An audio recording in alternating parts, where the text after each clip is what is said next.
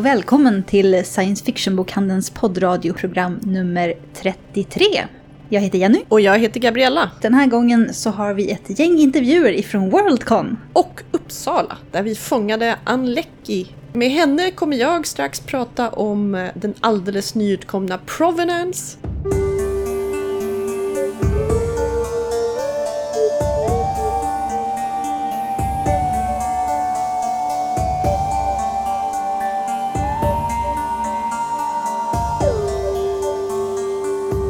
Jag måste också be lite om ursäkt för den ljudkvaliteten för den är inspelad i en väldigt vacker, historisk och ekande byggnad i Uppsala universitet. Och Jenny har pratat med ett par andra väldigt intressanta författare. Ja, jag träffade både Robin Hobb och eh, Carrie Vaughan. Försökte lite försiktigt fråga ut Robin Hobb om en eventuell fortsättning på hennes eh, gigantiska verk. Eh, hon tycker nog att hon är klar, fast det finns ju en fortsättning. Och Carrie Vaughan har ju skrivit massor av saker. Hon var väldigt intressant att prata med och jag rekommenderar varmt hennes novell som var Hugo-nominerad. Som tyvärr inte vann, det var min, kanske en av mina favoriter. Är ni intresserade av de olika Hugo-novellerna och romanerna så går vi igenom dem i programmet innan det här där vi även har en intervju med en av Worldcons representanter. Nu när vi har varit där så kan vi säga att det var minst lika roligt som hon utlovade.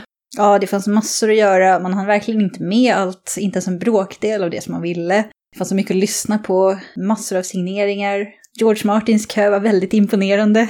Blir man lockad antingen av våra intervjuer eller bilderna som har dykt upp på internet så är ju Worldcon 2019 i Dublin, vilket inte heller är så långt ifrån Sverige. Och eh, jag och Jenny kommer vara där. Ja, jag tänker satsa på att försöka åka dit. Även intervjuat Neil Hopkinson som var hedersgäst på årets Worldcon i Finland. Och vi fick en kort intervju mellan alla hennes programpunkter. Alla som är hedersgäster var inbokade på många saker.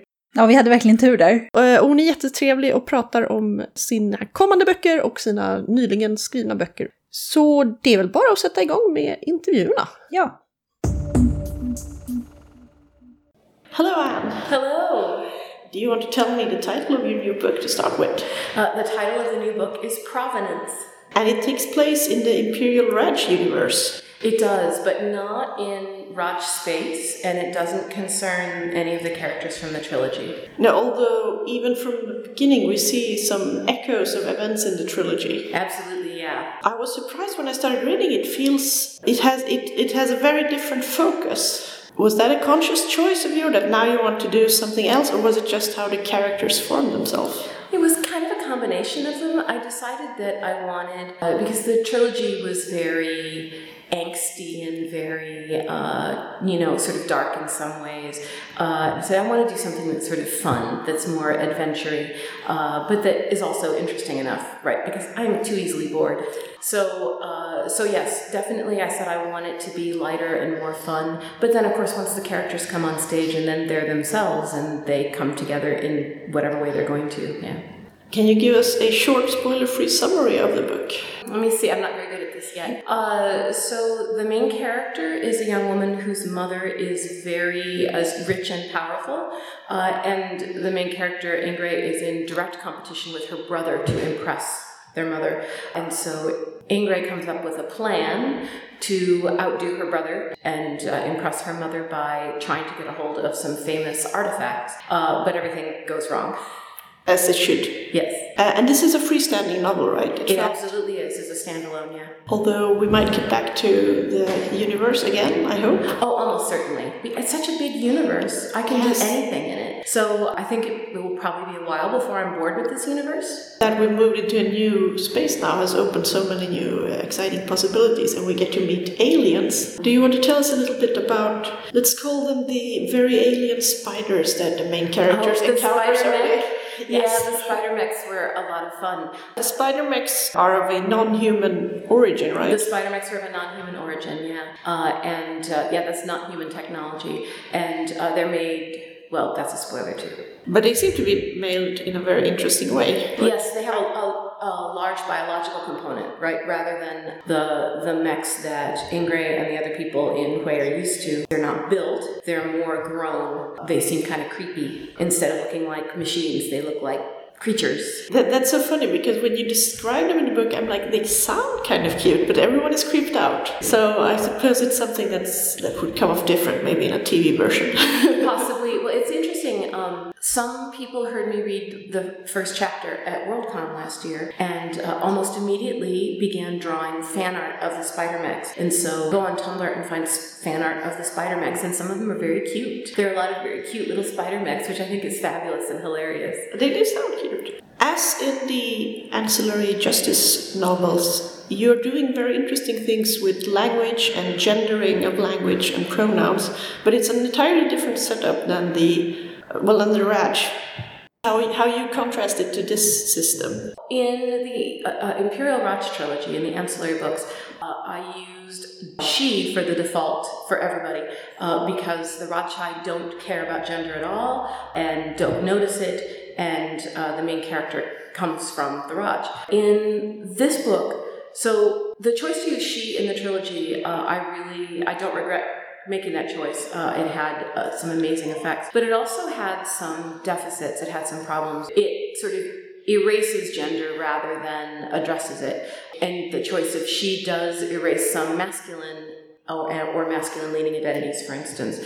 And the more I thought about it, the more I said, well, I kind of want to say, well, there's a bunch of different ways to do it, right? This yes. isn't just that the future there's no gender, uh, but I also didn't want to say, well, any place where there is gender, it's just going to be he and she, because why would it be? So, uh, in this society, in not just Hwae, but the the systems that are sort of culturally related to Hwae, they their culture recognizes three genders. And although this isn't explicitly in the book, uh, there wasn't really room to put it down. Children are considered to be genderless. Yeah, I, I kind of figured that out when you have the whole that there's an implication that a character chooses a gender. Right, and when you come to be the right age, then yes. you choose your adult name and you choose a gender, or you declare a gender, right? Yes. Because I suspect I didn't have time to work it out because this wasn't what the book was about, but I don't doubt that even under this system, some people see a little kid and say, "Oh, they're going to be a, a Nemen when they grow up. They're such a typical little Nemen," and and then yeah. and you probably do get sort of funneled in certain directions because cultures do that, right? But so you do you do on adulthood, you say, "Well, I'm." a man or I'm a woman or I'm a Nemen and you take your adult name it's not tied to what anybody's body looks like. So there's really no discussion of that in the books because, and there have got there are signifiers uh, because of course Ingray effortless, effortlessly notices the genders yes. of people in her culture, uh, but I never talk about what those are. No, and Breq would be hopelessly confused. Breq would be hopelessly confused. Yes. Do you have any particular influences or like themes that you feel that you wanted to work with in this book? Well, I started out wanting to write about ancient alien artifacts yeah. because that's just like super awesome. That's one of my favorite tropes. But I started to read about the history of archaeology, which led me to the history of museums, uh, which led me to think about why we value artifacts so much uh, and why we value uh, like original art so much. Like yeah. a painting that we say is by Rembrandt, historically, it's happened several times. Uh, but I believe it happened to a Rembrandt. Everybody's like, "Oh, this is a painting from Rembrandt. It was worth huge amounts of money." And then uh, an expert came out and said, "No, Rembrandt didn't paint this. Boom, it's not worth anything." Yeah. But it's still the same painting, and that's something a lot of people have sort of discussed why that is and what that means. But that was the thing that interested me. That combined with the history of archaeology and what that says about things being important because they say where we came from, because they're a claim to an identity. Uh, and so then that led me to thinking about family. The culture seems to have a very different view of adoption as we consider it uh, adoption. I, I don't even know if they think it's adoption in that sense, but it, it ties in nicely with how what you find has a meaning because what you what you charge it with almost, mm-hmm. uh, and also what what it means to be we're getting edging close to spoiler territory here, but, but what it means to be a human or belong to one of the non human alien species, which are really, we're not talking elves and uh, humans races here, but different aliens. Uh, I, I enjoy that bit very much. Yeah, the, the, the Geck ambassador, that's Yes. not a spoiler. So the Geck No. ambassador was so much fun to write. She was almost as fun to write as the Presger translators in the trilogy. Not quite, but almost. What is the difference between a translator and an ambassador here? Because they seem similar. There isn't a difference. Okay. There isn't a difference. In in Radchaai, they use the word translator for that. Um, And so in Oh. Radchaai, when they say Presger translator, because that's what that's Yeah. what you do. You go in and you translate between.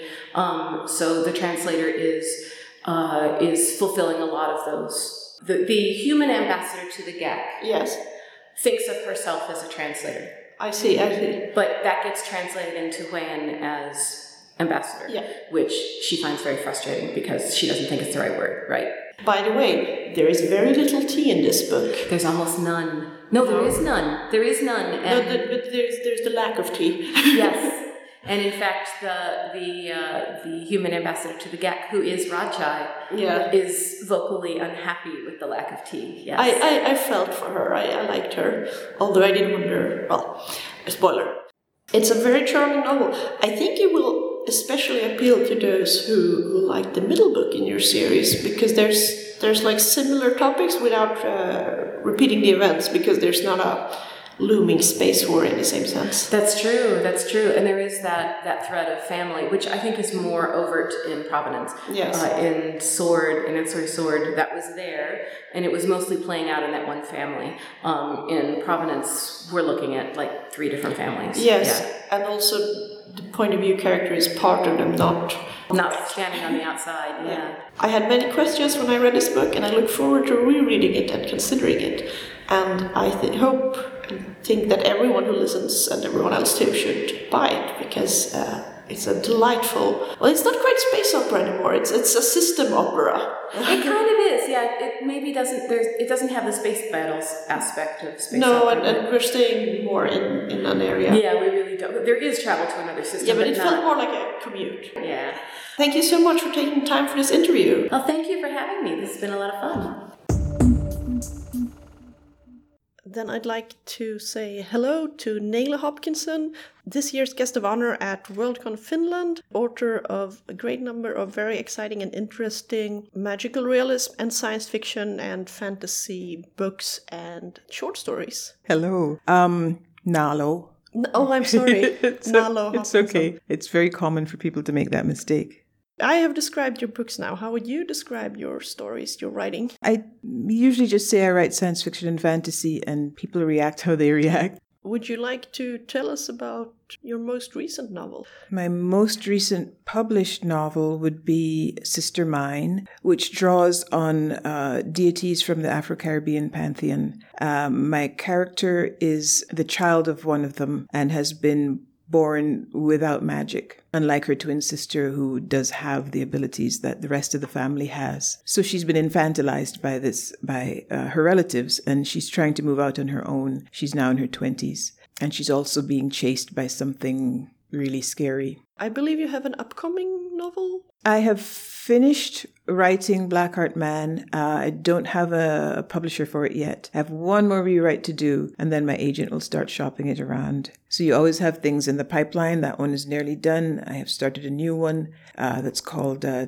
for now, called Duppy Jacket. Which takes some explaining because a duppy is, duppy is the Jamaican word for ghost, and jacket is Jamaican slang for an illegitimate child. And somehow the two words work together, but it might not last as a title. Whoever publishes the book has the right to change the title. And you draw a lot from African and Caribbean uh, folklore and mythology in your novels and your short stories. Yes, primarily Afro Caribbean. I don't know the African, uh, the West African stuff so well, but Afro Caribbean stuff I do know. And a lot of science fiction fantasy does make reference to folklore, just not usually to Caribbean folklore. Um, so when I started writing, I thought, well, why not? It's from my own region. It's, you know, it feels uh, native to me. So that's what I do. The difference is that when you're using the, the better known sort of European and British tales, you only have to reference them. People sort of recognize, even if they've never read Little Red Riding Hood, they kind of know how it goes. But when I'm using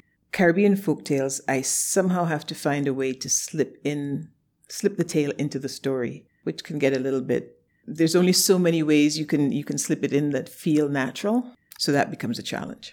One of your novels, Brown Girl in the Ring, is set in uh, Canada, where I lived in Canada for 35 years, um, moved away to the US six years ago when I got a, a, position as a professor of creative writing at the University of California, Riverside. So, yes, Brown Girl in the Ring is set in Toronto, around my neighborhood. How was it to write there? Both Caribbean and Canada, the temperature, the nature, the spaces are very different, and all your stories are very centered in a space where they are. It wasn't that difficult because I'd been living there for quite some time by then. I was in my mid 30s and I'd moved to Canada when I was 16. Oh, I was thinking more how did it, if it affected the writing process, the thinking ah. uh, that way? In the ways that writing any environment does for me. So I had to be very aware of what season I was writing. So what would be happening? What would the temperature be? What would the characters be wearing? And also to try to give the reader a sense of what it's like to move through that space. And fall is a very particular time in Toronto and probably my third favorite season.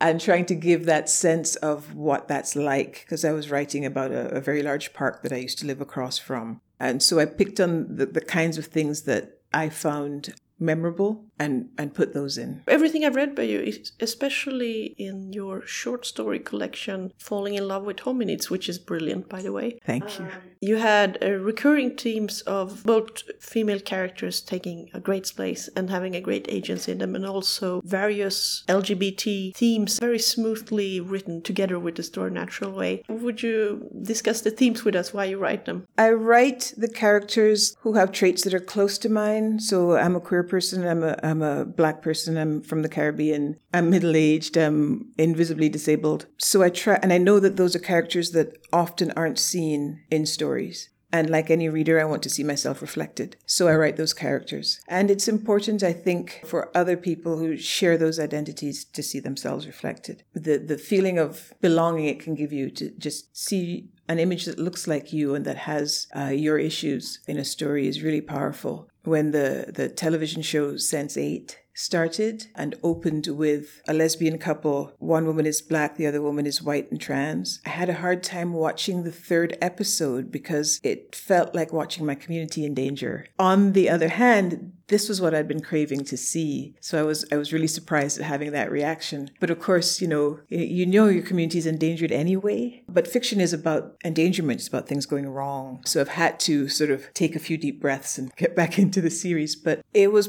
probably the first time. I mean, I'm 56. It's first time I've seen something that looks like my community on the screen. And what you say about Sense8, and also what I felt when I read your books, that there are different communities in your stories, but they all share this sense of not quite fitting into the mainstream idea of what a community is, especially those depicted in a science fiction or fantasy novel. How has the process been to become suddenly part of the science fiction niche genre with this ty- with these types of stories that are after all still quite unusual? Mm. it's not white heterosexual people in a spaceship or yeah. even in a dystopian world trying to kill each other science fiction and fantasy were what I always read, so it, there wasn't a matter of deciding if I was going to write at all, that's what I was going to write. The first challenge was bringing my own cultures and language into it. Luckily, the Caribbean has a long, long literary tradition, so I could look back at other writers and how they were handling it and decide how I was going to do it. The first book that I wrote doing that, setting something largely in the Caribbean community in Toronto, was Brown Girl in the Ring, was my first novel. I did not know what reception it was going to have. The reception was overwhelmingly positive, to my surprise and delight sometimes readers have trouble with the characters I write about. So sometimes they say I'm trying too hard to make to put all the diversities in there, and I, well, that looks like Toronto. That's what Toronto looks like. You know, what does your world look like that it's not full of a diversity of pre- people? Um, and when I say diversity, I mean all the diversities. So I think sometimes people think I'm trying too hard, and I'm not. I gave a reading in Toronto from my young adult novel, The Chaos, where that was one of the criticisms I was reading. There were only 20 people in the audience, and it was a more diverse audience than I had put in the novel. So. Truth is both stranger and more diverse than fiction. Very true. to go back a bit to what you said about mythologies and and uh, in your upcoming novel, The Duppy, that's that's a word I recognize from Sister Mine to the ghost. But but in in Sister Mine, it's not. It is a ghost, but not not how I think of a ghost in the well Swedish uh, sense. Do you want to tell us a little bit about this, the folklorical inspiration, or have you made that up yourself using Yeah. the word? No, the word is very definitely Jamaican. Duppy means ghost in Jamaica. In Trinidad, it's Jumbi. Like ghosts in many cultures, Duppies are cranky. They're not very happy at being dead. They haven't finished business. They they they want to spook you. But as a writer, I get to use that however I want. So in the novel I'm working on right now, Duppy is the only word the protagonist can come up with for the creature she's encountering and it's it's not a spirit of any kind. It's actually quite well it's supernatural but it's an actual creature. Uh, it's a it's a cryptid let's say. But she has no other word for it. So she sees it through the filter she has until she learns different. That's part of the um the challenge of writing say a lot of fantasy draws on belief systems but often on ones where those religions no longer are in ascendance or no longer exist in many cases when I'm drawing from Afro Caribbean religion, that's a living religion. There are people who believe it, people who worship it, and so I'm dealing with their beliefs. And I have to take the freedom to have artistic license, but it's something I always consider is how I'm representing it. How has the response been from that? Because I know from uh, authors outside of the culture, where I would say Afro Caribbean religions and also, well, a lot of African inspired Indo Americas religion are kind of boiled down to the stereotypical voodoo cliche. Yes, So- and the wrong ones, but Yes. uh, wrong ones and geographically mixed up, and, and just it's all a mess. I do sort of mix them geographically because when you read about the, the deities from uh, the various Afro-Caribbean religions, you can see the connections. So what's called Ishu in one culture might be called Legbara in another, but they're the same more or less. We, we have similar with Odin from Sweden and then Yes. Wotan in Germany. And Yes. Yes, so I'm watching American Gods where Neil is is sort of describing this god who gets named many things mm-hmm. and completely recognize what he's doing there and why. People for whom this is their belief system have been, for the most part, really welcoming because, again, they're not seeing themselves represented. And they can tell that I know that, a, for instance, a, if you're Haitian, that a zombie isn't a dead creature come back to life in the same way. And they can tell that I've done my research. Other people don't always see what I'm doing a lot of people don't realize it's a living religion. Some people think of my writing as as light summertime beach uh, reading, and I'm quite happy if they're reading it on the beach. I'm you know, but the politics and the even the politics of how I use language is invisible to them. What they see is Caribbean, and they associate that with sun and sand and you Oh, know really good dope. So sometimes people simplify what I've done. If you're reading it and enjoying it, I mean, I'd love you to get it on a deeper level, but I am essentially grateful that you're reading it and enjoying it. Every reader is reading it differently. I have to say, this, you had one short story with uh, fire breathing chickens. That's a story I'd, I'd enjoy on the beach. I hope so. What's interesting to me is how uh, lots of people don't notice that the they, notice that the male couple is a gay couple. A lot of people don't notice that they're in a twenty four seven BDSM relationship. I think I picked up on, on the It's the dungeon in the in the in the Yes. basement, and they, they they clean the toys every Saturday. and, how he how he talked about uh, his partner, the narrator. Yeah, yeah. So people miss that. Sometimes, if I had one uh, editor who was not used to reading fantasy at all, who didn't realize the cat was actually flying, who kept saying this this metaphor is a little muddy. It's it's as though you're saying the cat is really flying. It's like, yeah, because I gave her wings, she's flying. What was the title of that short Emily story? Breakfast. Emily Breakfast. Yes. yes, I named her after a real chicken. Yeah, that's that's an interesting point. How to in in science fiction and fantasy, you can make the metaphors real. You can turn them into reality, and also when you're working with drawing from religion, so direct as directly as you do, well, you can get another level, so to speak. Mm-hmm. Have have you reflected over this in your writing? What metaphors you choose to embody? I hope they change over time, but sometimes not as often as I think. When I go back, say, to put a short story collection together, usually it's stories that have been published singly. But when I put them all together, I notice um, commonalities. Sometimes I use the same phrase over and over, and that's a little embarrassing. But for a while, eggs and chickens were everywhere in my stories, which is strange because I don't much like. I like eating chicken, but I don't much like chickens. Maybe they were crying out for representation from Yes. their subconscious. So that kind of thing shows up a lot. Transformation shows up a lot. Younger female characters trying to, you know, become themselves shows up a lot. So I consciously try to change them. Like I said, I'm 56 now. So I'm conscious of wanting to start representing more middle aged women as protagonists, more disabled characters as protagonists. So yeah, I do I do reflect on it and challenge myself every so often. We are running out of time, so I will finish with a final question. Do you have any book recommendations to our listeners, old or new, or science fiction, or anything other? Yes, Sofia Samatar, The Winged Histories. It's her most recent novel, and I adore it. It's very much a wordsmith's novel, so you have to love language in order to really appreciate it, and I do.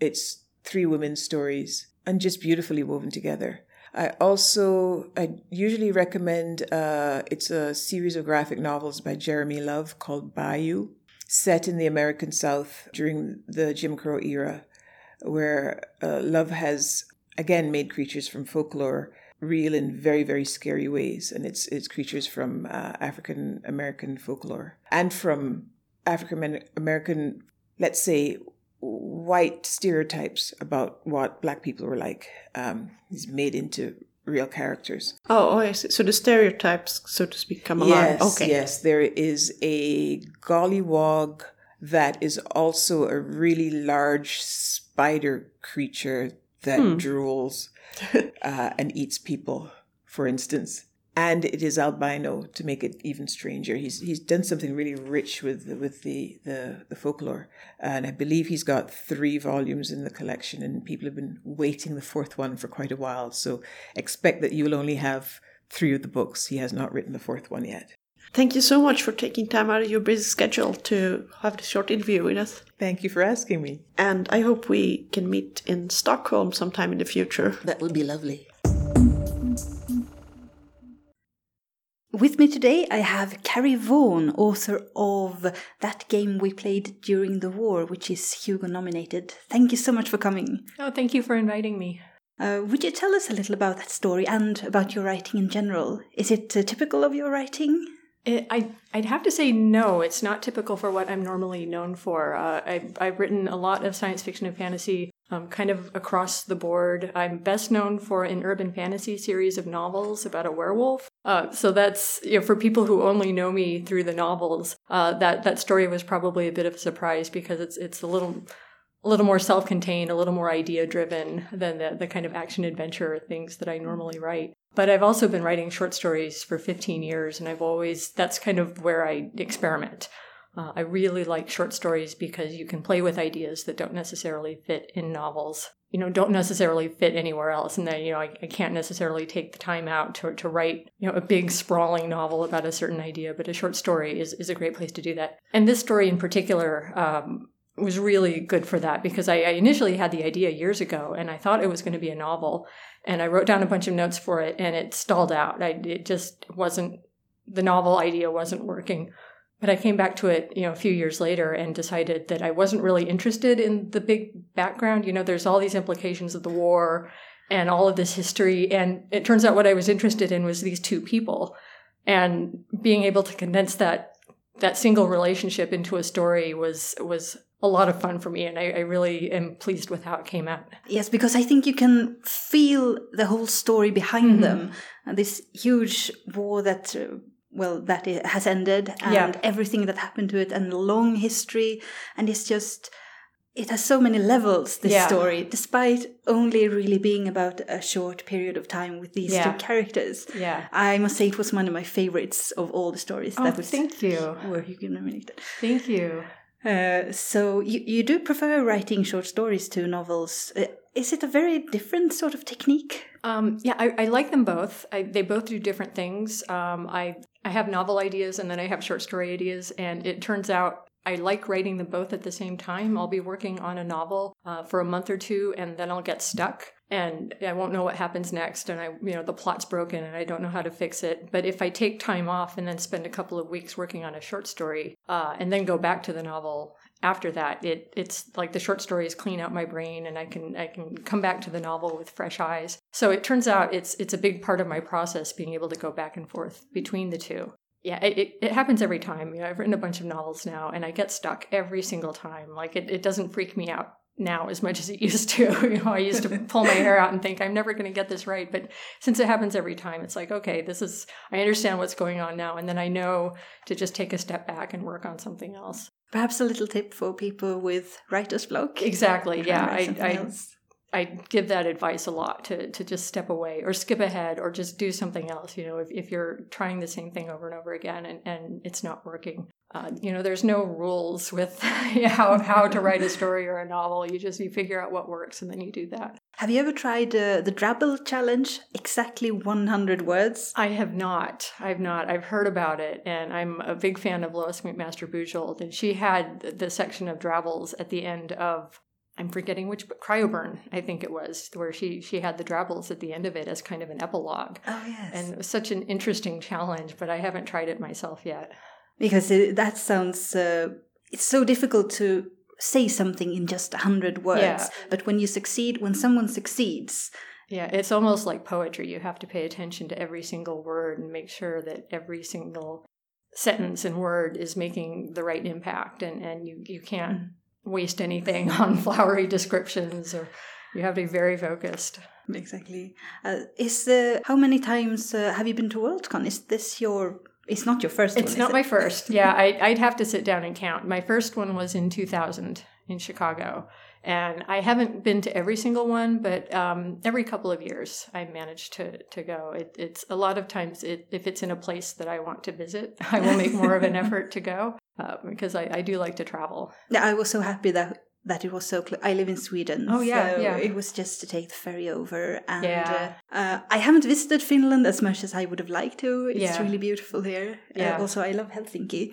but I haven't been here for years. But you live in the United States. I do, yes. So it was a long way to travel for it, you. It was, but once again, like like I I wanted to see Helsinki. I've never been to this part of the world. I actually have family in Sweden, and oh. I'm, I'm, not able to get over there on this trip. But I, I definitely have an interest in in you know this this part of of Europe. Uh, so how do you like this Worldcon so far? Is it different from other Worldcons? It, it's a little bit different. I like it. I, it this it's my third international. I, I went to the Worldcon in Australia and then the one in London a couple of years ago. So I, I heard the London one was gigantic. It was gigantic, yes. and it, it, they had a really big uh, space for it, so there was a lot of walking. But uh, the the international ones have a different flavor than the ones in the United States because there are there are so many more international um, people. There's people from all over the world and you, you hear a lot more different languages and and just getting the perspective from readers and fans from all over the world. It's everybody does things a little bit differently but we all are familiar with the same books and the same authors and, and we all love science fiction and that's it's wonderful to to be in a space with so many uh, different people who all are yes, you know, the, interested in the same things. There was one panel that I really wanted to go to, but I, I didn't, I, I couldn't, and it was about uh, the Kalevala from a North American perspective. Oh yeah, yeah. Which sounded so interesting. I would love to hear that. It, it, even though I'm neither North American nor mm-hmm. uh, Finnish, but just to get this uh, mixture of perspectives. So, how about uh, recommendations for for Hugo nominations. Do you have any favorites? Oh my gosh, I do have a couple of favorites. I'm I'm going to put a plug in for Max Gladstone, his craft series. Yes, uh, I started which, reading that. Uh, I I actually gave a blurb to the very first book when it came out. I got to read it ahead of time, and I, I really liked it because he it's so cross genre. He he incorporates so many different genres into something entirely new, and you know, it, for people who like legal thrillers and fantasy and alternate worlds, um, and they're just kind of fast paced legal thrillers, you know, which is not something I would have thought of. So I'm a big fan of, of his series. Um, the series category was really interesting. It's it's, it's you know, a special new, category. Yeah, this is the first time they've done anything first like time. it. Every Worldcon is allowed to to kind of create a special Hugo category if they want to. And and so the Finnish Worldcon created the series one, which people have kind of been talking about, but nobody really knew how how to make it happen. So it's so interesting. And so many of my favorite authors are, are in that. My favorite series, uh, The Expanse by James S.A. Corey, Lois McMaster Bujold, who I mentioned. And I think the Vorkosigan saga is just classic.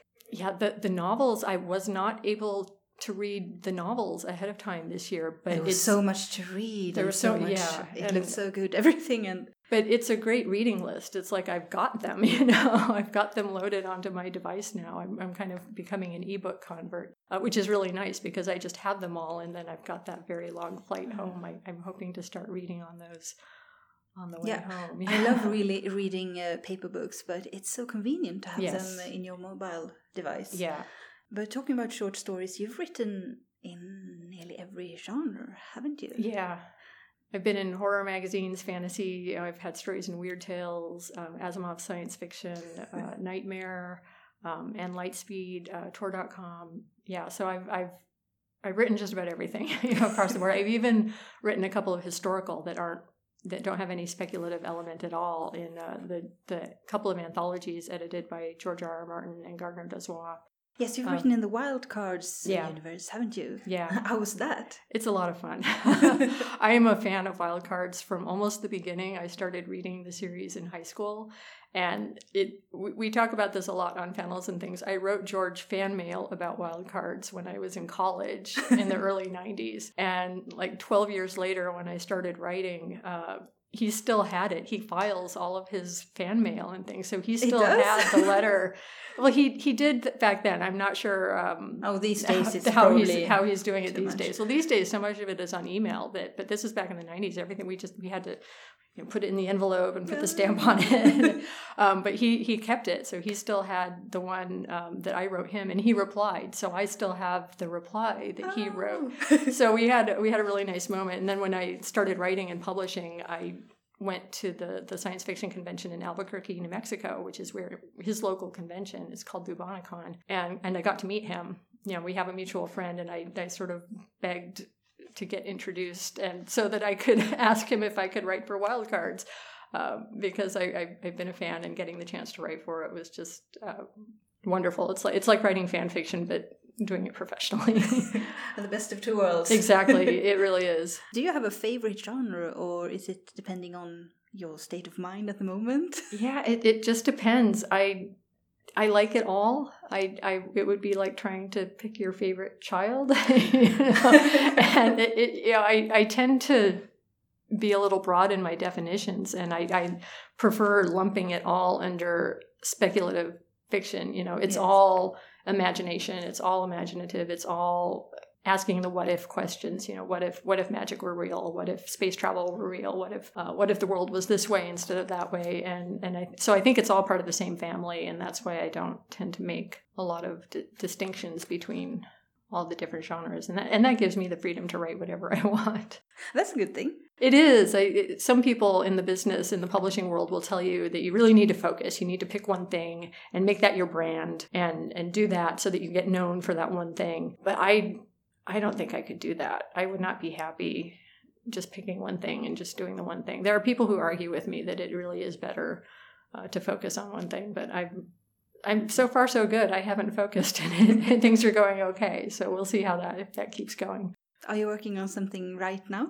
I am. Um, I've I've got a new um, semi series kind of started. Uh, the book that just came out um, a couple of months ago. It's called Bannerless. Uh, it's from John Joseph Adams' uh, books, uh, the new imprint with Houghton Mifflin uh, Harcourt in the U.S. Uh, it's a post-apocalyptic murder mystery. Um, Oh, yeah, I'm instantly interested. once again, it's like I can't focus on one genre. I, I've, I've been interested in mysteries for a while now, and I've uh, the world, uh, the post-apocalyptic world. I've been writing short stories in it because once again, that's kind of how I do my experimenting and how I figure things out. So I've, I've been writing short stories in this world, and then wrote a short story with an investigator main character, and I fell in love with her and I wanted to do more with her. And so then I got the idea of, of exploring this post-apocalyptic world through through the lens of the murder mystery, which just it just seems so perfect in so many ways. It's like, why why has nobody done this before? you know, I, I need to do this. Um, so the first one of those just came out, and I just turned in the second one, which will be out next year. And I believe we've settled on a title, and that's going to be called The Wild Dead. And which genre did the publisher put this in?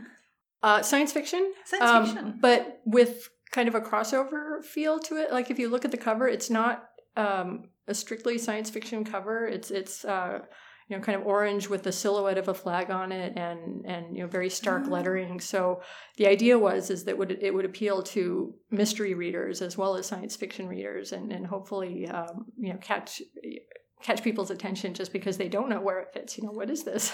I mean, you, you caught my attention with two words. or is it three words? Depends on where you put the hyphen. I don't know. But I've noticed, or I don't know if it's a new phenomenon, but uh, people are mixing genres more and more, I Mhm. think. It's not, uh, I mean, 20 years ago when people thought about fantasy, it was all pseudo medieval feudal Right. system, and Right. that's not that common anymore, is it? Yeah, I, I think that's still out there if you want to find it. But I agree. I, th- I see more and more people breaking genre boundaries. I was just talking with with an editor who's you know got a book that's you know she's trying to describe it and it's like steampunk, but it has magic, but it's kind of set in a modern world, but it's not urban fantasy. And and I'm thinking this is great. This is exactly what I want because I get so tired, you know, especially with with urban fantasy. For a while there, it was like you know the kick-ass woman character in a love triangle with a vampire and a shapeshifter, and it's like every single book was that formula, and it gets boring and people get tired of it. And but I love seeing what happens when people put two things that don't seem like they should go together, and then you put them together, and, and I think amazing things happen. I agree. I completely Yeah, I, I love that's one of my favorite things to read right now is I'm just looking for things that make me see something that I've never seen before. So, since you write so many different things and have done uh, since you started writing, hmm pretty much. uh, have you felt that uh, your writing has changed in a major way over the years from when you were uh, starting out and to this point? Oh, I've, I've gotten better, you know, that, which is very reassuring. It's I can actually look at my writing and see the ways that I've gotten better and and just more confident. Yeah, I, I guess that that I, I approach things now like you know this game we played during the war. I don't think I would have been able to tackle that even you know five or ten years ago. It was just you know I, I didn't tackle it. I had the idea you know five or six years ago, and I just kind of wrote it down and put it aside.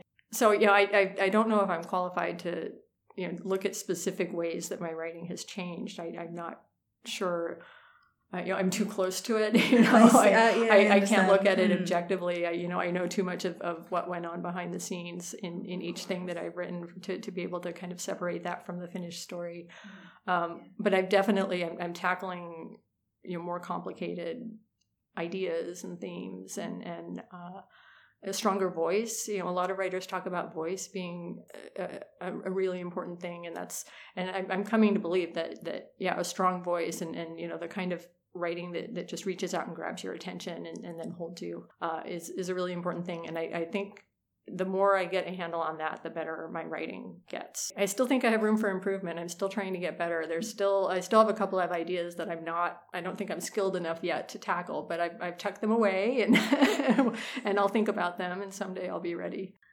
I think my tone has become less serious.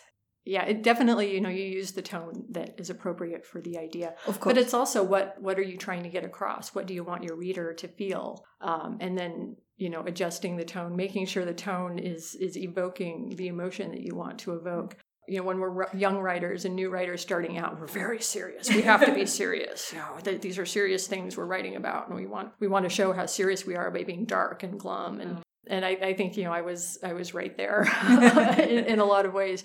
But my urban fantasy books are very humorous, and there's a lot of comedy in there. You know, comedy is hard. There's there's a saying out there that, that humor and comedy are, are a little bit harder to do. And and some of my favorite writers, like Connie Willis, she's got such a light touch that she can write about such serious things, but do it in such um, a friendly, kind of amiable, open way. So you don't even realize how serious what she's talking about is because it's it's so friendly and it's so inviting. And I, I'm coming to find more and more that that I want to be a little more positive. I want to to write things that are a little bit lighter. You know, still about serious topics, but can you approach those in a way that's maybe a little more optimistic? Yeah, some people will say that uh, you can't make people sit up and think without killing off a few characters Right. or having a lot of darkness, death, and rape, and you know.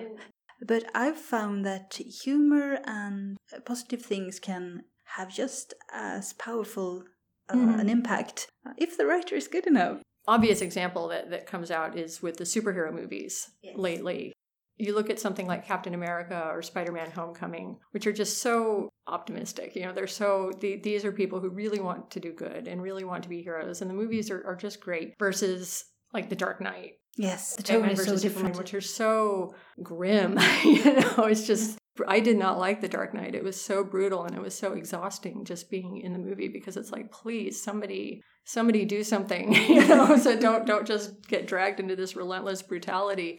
My my thinking is is that they're they're both choices. Like neither one of those is realistic. You know, there are people who say, well, darkness is more realistic, and it's like, no, it's actually a choice. You know, lightness may not be super realistic, but it's a choice, and the darkness is not realistic either because there's good things in the world and there's good people. They, they, there, I have an example. A few years ago in Colorado, there was this very terrible wildfire near Colorado Springs. It destroyed like 300 houses. It was just, you know, burned acres and acres. An entire mountainside was destroyed. And, you know, I know people who lost their houses. But this really simple human interest story came out that the firefighters had were fighting to protect, you know, this group of houses, and they they found the homeowners' chickens. Like they had a chicken coop, and they found the chickens, and the chickens were okay. And the uh-huh. firefighter left a note for the homeowner saying, "Your chickens are okay. We have oh. your chickens." You know?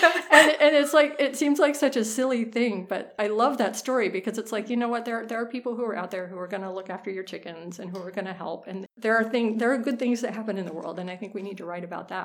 It's harder though because you know the conflict of showing people falling apart and being horrible to each other. That's easy conflict, you know, that's so obvious, but but showing, you know, the difficulties of coming together and, and triumphing over an external, you know, conflict, I think is equally valid. I've found myself kind of leaning more in that direction as time goes on. For new readers of your books, I was going to ask about where to start, but perhaps it's more about which genre you prefer. That's what I always ask people when they ask where to start, because I've got a superhero novel after the Golden Age, Discord's Apple uh, for kind of Greek mythology and, and a little more action adventure. I've got some young adult books, dragons and pirates and, and sword fighting and things like that. And I, I actually really like having a, you know, a variety of books that I can recommend to people because I can usually find something that suits their their interests rather than you know hey this is the only thing i write you know you have to read this one Personally, I really recommend that game we played during the war because I loved it so much. Thank you. And once again, congratulations to the nomination. Thank you so much. And thank you for coming. Thank you for inviting me. Och nu kommer jag prata lite med Robin Hobb. Och vi pratar om alla händelserna i hennes böcker. Så att eh, om ni inte har läst klart alltihop så jag varnar nu att eh, vi kommer prata om slutet på sista boken bland annat. Men det, det är ungefär halvvägs genom intervjun och jag varnar även i intervjun om ni vill börja lyssna och sen avbryta för att läsa färdigt serien och sen fortsätta lyssna. So today I have with me Robin Hobb, author of The Realms of the Elderlings. Thank you so much for coming. I'm very pleased to be here. Thank you for the opportunity. And thank you for coming back to the podcast. You visited before once, several years ago when you were in Stockholm. Yes, it was very enjoyable then. And now you're in Finland, in Helsinki. How do you like it here? Oh, I very much have enjoyed the city. Uh, WorldCon has uh, made it very easy to get around with the with the travel pass they issued to us, and then they had also arranged some special activities. So I did uh, on my first day here. I, I went on a tour of the fortified island, and I'm not even going to try to pronounce it correctly. So, um, but it was very very fascinating and I appreciate the the chance to uh, get out and see a little bit of the city, uh, as well as attend the convention. Mm, yes, I think it's a beautiful city. It is. But it's not your first Worldcon. You've been to several, Uh, yes, I have. And you've even been nominated for a Hugo. Uh, yes, quite a, quite a while ago as as Megan Lindholm. But this time you're a guest, and uh, you've held, uh, or you will hold a panel. And what what will that be about? Um, but I actually I am signed up for several panels. My first official event here will be the uh, doing a writing writers workshop with children, and then there's a panel on animals as characters in fantasy. There's another one on is epic fantasy still relevant? Yes. And then there's a fun one on writers and their cats. Oh. So this uh, it's a, it's a good uh, good uh, variety of things to talk about. I will enjoy them.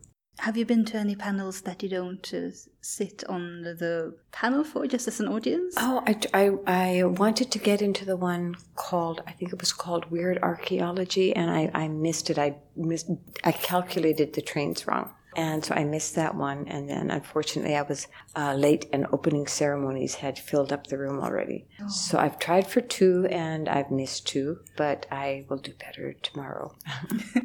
I, I had the same problem. I tried the one with um, how children read uh, classic science fiction, which sounded, sounded so interesting. What I'd really like to know is uh, what you're writing now. I am not writing anything right now. You're It's, uh, done well, it's for the um, moment. Sometimes I think maybe I am done. Um, the the last uh, four years of writing this trilogy have been very very intense, and so during that time I let everything else go, and I am looking now at a very disorganized office where it's uh, piles of books in the corner and cardboard boxes and unanswered mail. And so I am just, I have been taking it one task at a time and saying it is time to, to start in each room and pick up the object and say, am I keeping this or am I throwing it away? And if I'm keeping it, I need to put it where it belongs. Don't put it down, put it away. And I have I have a lot of other things to catch up with. My husband and I have a um, some acreage, and so we have some chickens and some ducks, and um, I have a badly neglected garden that I will be going home to, where the trees have not been properly pruned for several years. Oh, And yes, the latest three books they come, came out so quickly after each other. It might seem that way. Each one was a year's work and then some. I miss deadlines constantly, and it was only due to um, extreme editorial sacrifice that those books came out on time. And that was because my editors, uh, wh- when I am late, it, it's like running a train car into the end of a train and it goes bump, bump, bump, and it causes all kinds of problems up the line. But both my editors worked very, very hard and put in extra hours to make those books come out on time. As readers, we're very grateful that they did. They are extraordinary, both of them. Jane Johnson and Anne Groell. Thank you.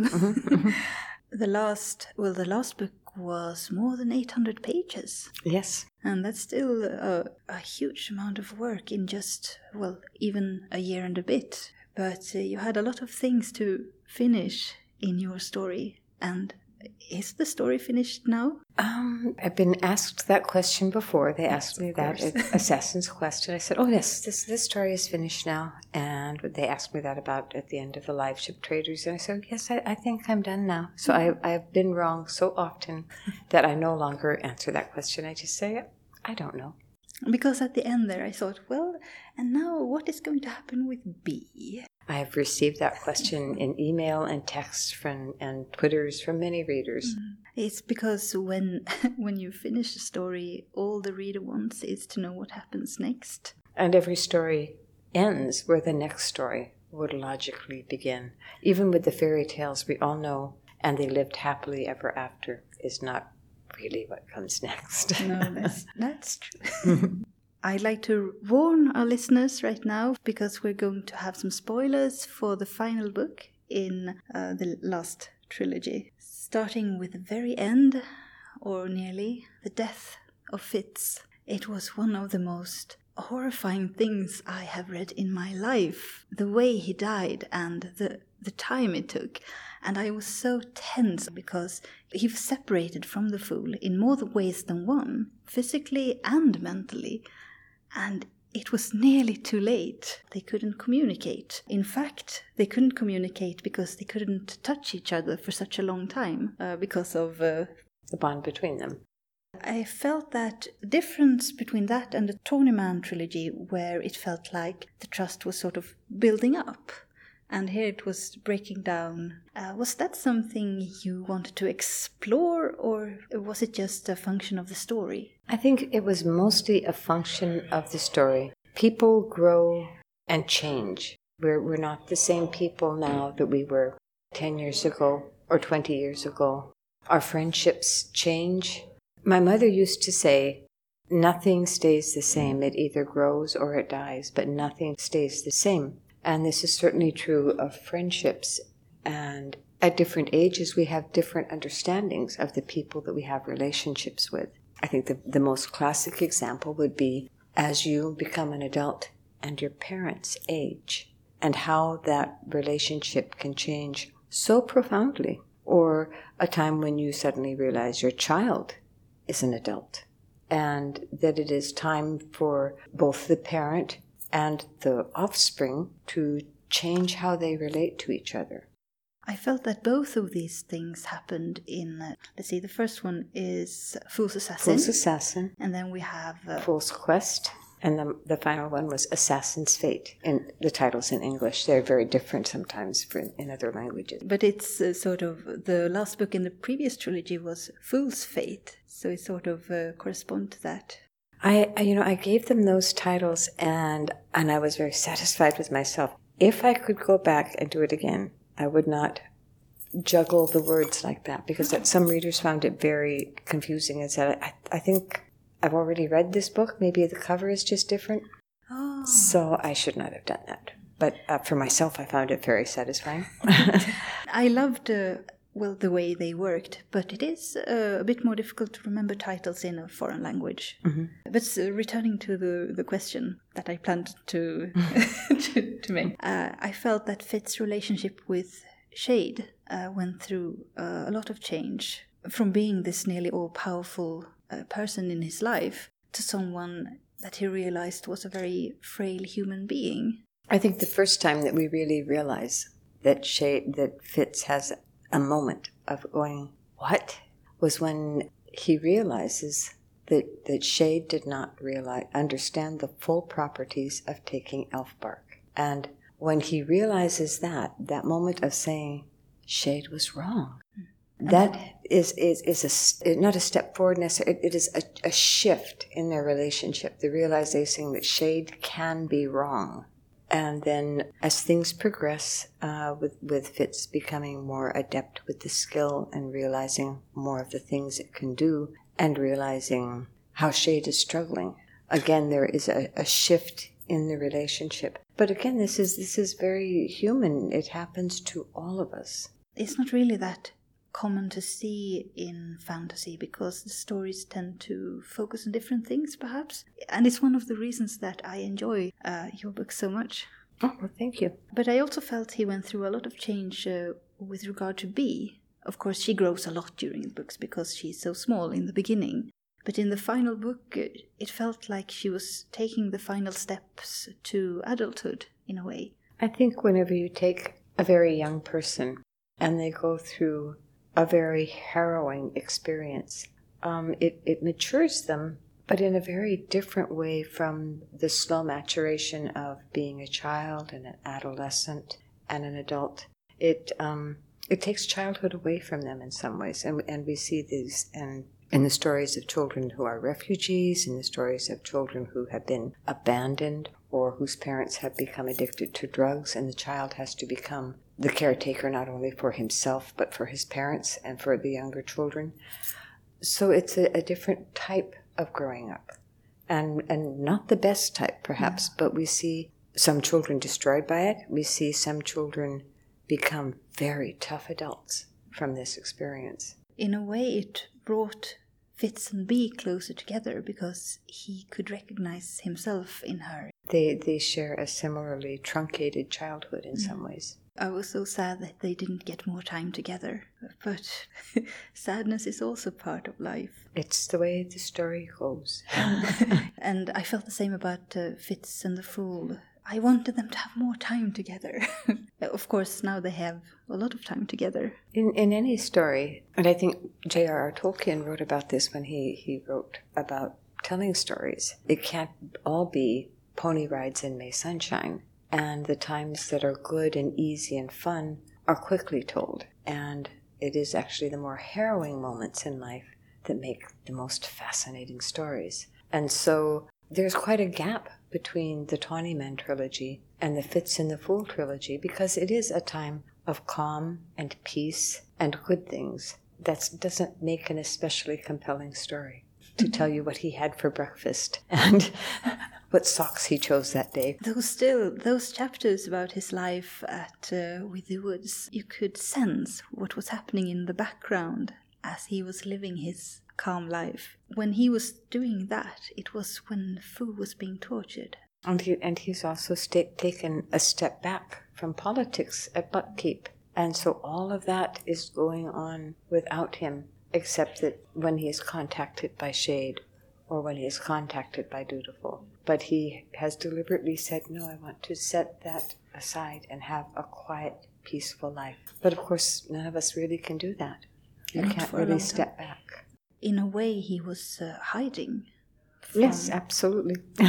from himself as well, I think. Uh, another aspect of the books, the dragons, who finally, finally got their revenge on Clerres.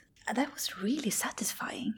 It's, satisfying, but there's also to revenge a ruthlessness that says we are going to take revenge for something that happened a long time ago, and we see it in the real world, and we and we see anger and and vengeance carried on for generations and generations, and the innocents are always caught up in it. And Because satisfying is not always good. no, it is not always good, but it is what happens. And of course, the the, decay, the moral decay of the people at Clerres. It was it was fantastic to read, but so horrifying. Well, it's different for the people in the city, the normal people who just go about their lives, living off the city. and, and having a, a, a very good life, um, but be, at, at the expense of people far away. But again, it's it's we see this all the time. We do. Well, they did manage to um, destroy Clerres in the end, and it felt to me like the world was changing in a lot of ways at that point and after that point. There was a lot of things set in motion. Every every major event triggers a cascade of events, and this is always what the fool and and the other whites are aware of is that you you start a pebble rolling and it triggers the avalanche. In in this case, the astute reader can look forward and say, "But I see this is not the end of it. That there will be many other events, and and one can never you can never write the entire history of a world, but I, I as I say, I think the astute reader can look forward and say the things that are in the future are not all happy and peaceful. Yes, you, you start to see the seeds of revenge growing where people have lost a lot of things now. Oh, yes. And the hopelessness or the helplessness of being an individual and saying, I can foresee that this will affect my grandchildren. How do you stem that tide? One grain of sand. And especially when the whites had put so many things in motion that had, uh, for want of a better word, twisted so many things, turning so many situations into the worst possible scenario. For others, but not for themselves. Oh, for others. the repercussions of that would probably not be so easily solved. But as, as long as no one is aware that you're being manipulated, the ability to look at an event and say, if it falls this way, these things become more likely. If it falls that way, these things become more likely. And at the same time, there's, you know, in the stories, there's a sort of ignoring that the act of every individual can have an effect. And that uh, a lot of these events, if, if you had removed Fitz at the very beginning, it would be an entirely different story. Oh, yes. So the, the idea that the although we may feel helpless, though we may feel like we are that one grain of sand, what you do does make a difference, and the d- difference is cumulative. Speaking of Fitz, he did have quite an effect when he arrived at um, the city where Malta and uh, her husband lives, and Kelsingraf. Kelsingra. They're not well. They're not exactly king and queen, but they more or They're less. powerful figureheads, but more like very strong ambassadors. And uh, the conflict that Fitz came into with some of the dragons there because they didn't like their influence being tampered with. That is a way where you can see where maybe some of the whites early on didn't have the worst possible intentions because dragons are dangerous and if they become too powerful, what will happen to humans? If they reproduce and there become a lot of dragons. Um, and of course, this is, you know, the direction that the next, if I were writing the next 200 years of history, this would definitely have to be dealt with. The dragons don't change so easily. I, I would venture to say, and uh, again, it's a spoiler, that this generation of dragons will be much different from the ones that came before because they are they're missing a large piece of their ancestral memories and they have been influenced by humans as much as humans have been changed by them. It's one of the things we see whenever you put two creatures of any kind in proximity and keep them there. They change. Well, it's true of regular humans. By meeting each other, we change all the time. Mm-hmm. But not, not just human to human. Um, in the US, humans and coyotes, humans and how we affect the whale population. How um, uh, anytime two creatures are in proximity, they are going to affect each other's evolution, even. And uh, in the realm of the el- elderlings, we met a race so much more powerful than ourselves and just as intelligent, if not more. Which, uh, of course, the conflicts are going to be enormous. And interesting, And and, interesting. and a different idea of territory and ownership. Can you own a piece of the world? Is that even possible? Can you lay claim to the lives of the creatures that live on the piece of land that you claim to own? It's, it's a it's a fun concept to to look at and to to see how much it affects how we think about things. I own this. Do you really? How is this a concept? Well, it's, several things are difficult when you start to think about them, as with how unreal money is. That's also something that. how unreal money is. Um, the whole concept of, of bartering uh, symbolic value with each other. And now bitcoins. My goodness. How much stranger can it get? I wonder. Something else that was tantalizing about Fitz's visit to Kelsingra uh, was the hint that he might have reached some sort of understanding about the skill, or nearly all the things that he could do at the end of second. Seeing how it would all fit together in one magic. And again, that would be something it would probably take another 25 books to explore all the way. I would love to read that, but I suppose you can't live for several lifetimes. No, I'm afraid not. That's one of the things about being a writer. I'm 65, and I say, How many more years do I have of writing? How many ideas do I have? How do I decide which books I'll never write and which ones I will write? Or if I will write anymore? Must be a difficult decision. um, it's, it's kind of like having um, noisy children clamoring for your attention, and you look at them and say, Which one is the most persistent? And I need to do that so that I can have a moment's peace and think of what to do with the others. Have you ever considered writing horror? um, Because you're very good at uh, horrifying. um, I, I, as Megan Lindholm in my early writing days, I wrote several stories that would have been verging on that, but uh, not in Robin Hobb's voice. I don't think that is a voice that is suited to horror. I think it, it every every story has a slightly different uh, demand of how it wants to be told, and I don't think uh, that the Robin Hobb voice would especially lend itself to writing horror. Just a, a tinge of darkness, too. Oh yes, well, every story has a tinge of darkness. That's true. That's the end of our time slot. Thank you so much for coming. Well, thank you for inviting me, and I've enjoyed uh, this uh, interview. Thank you.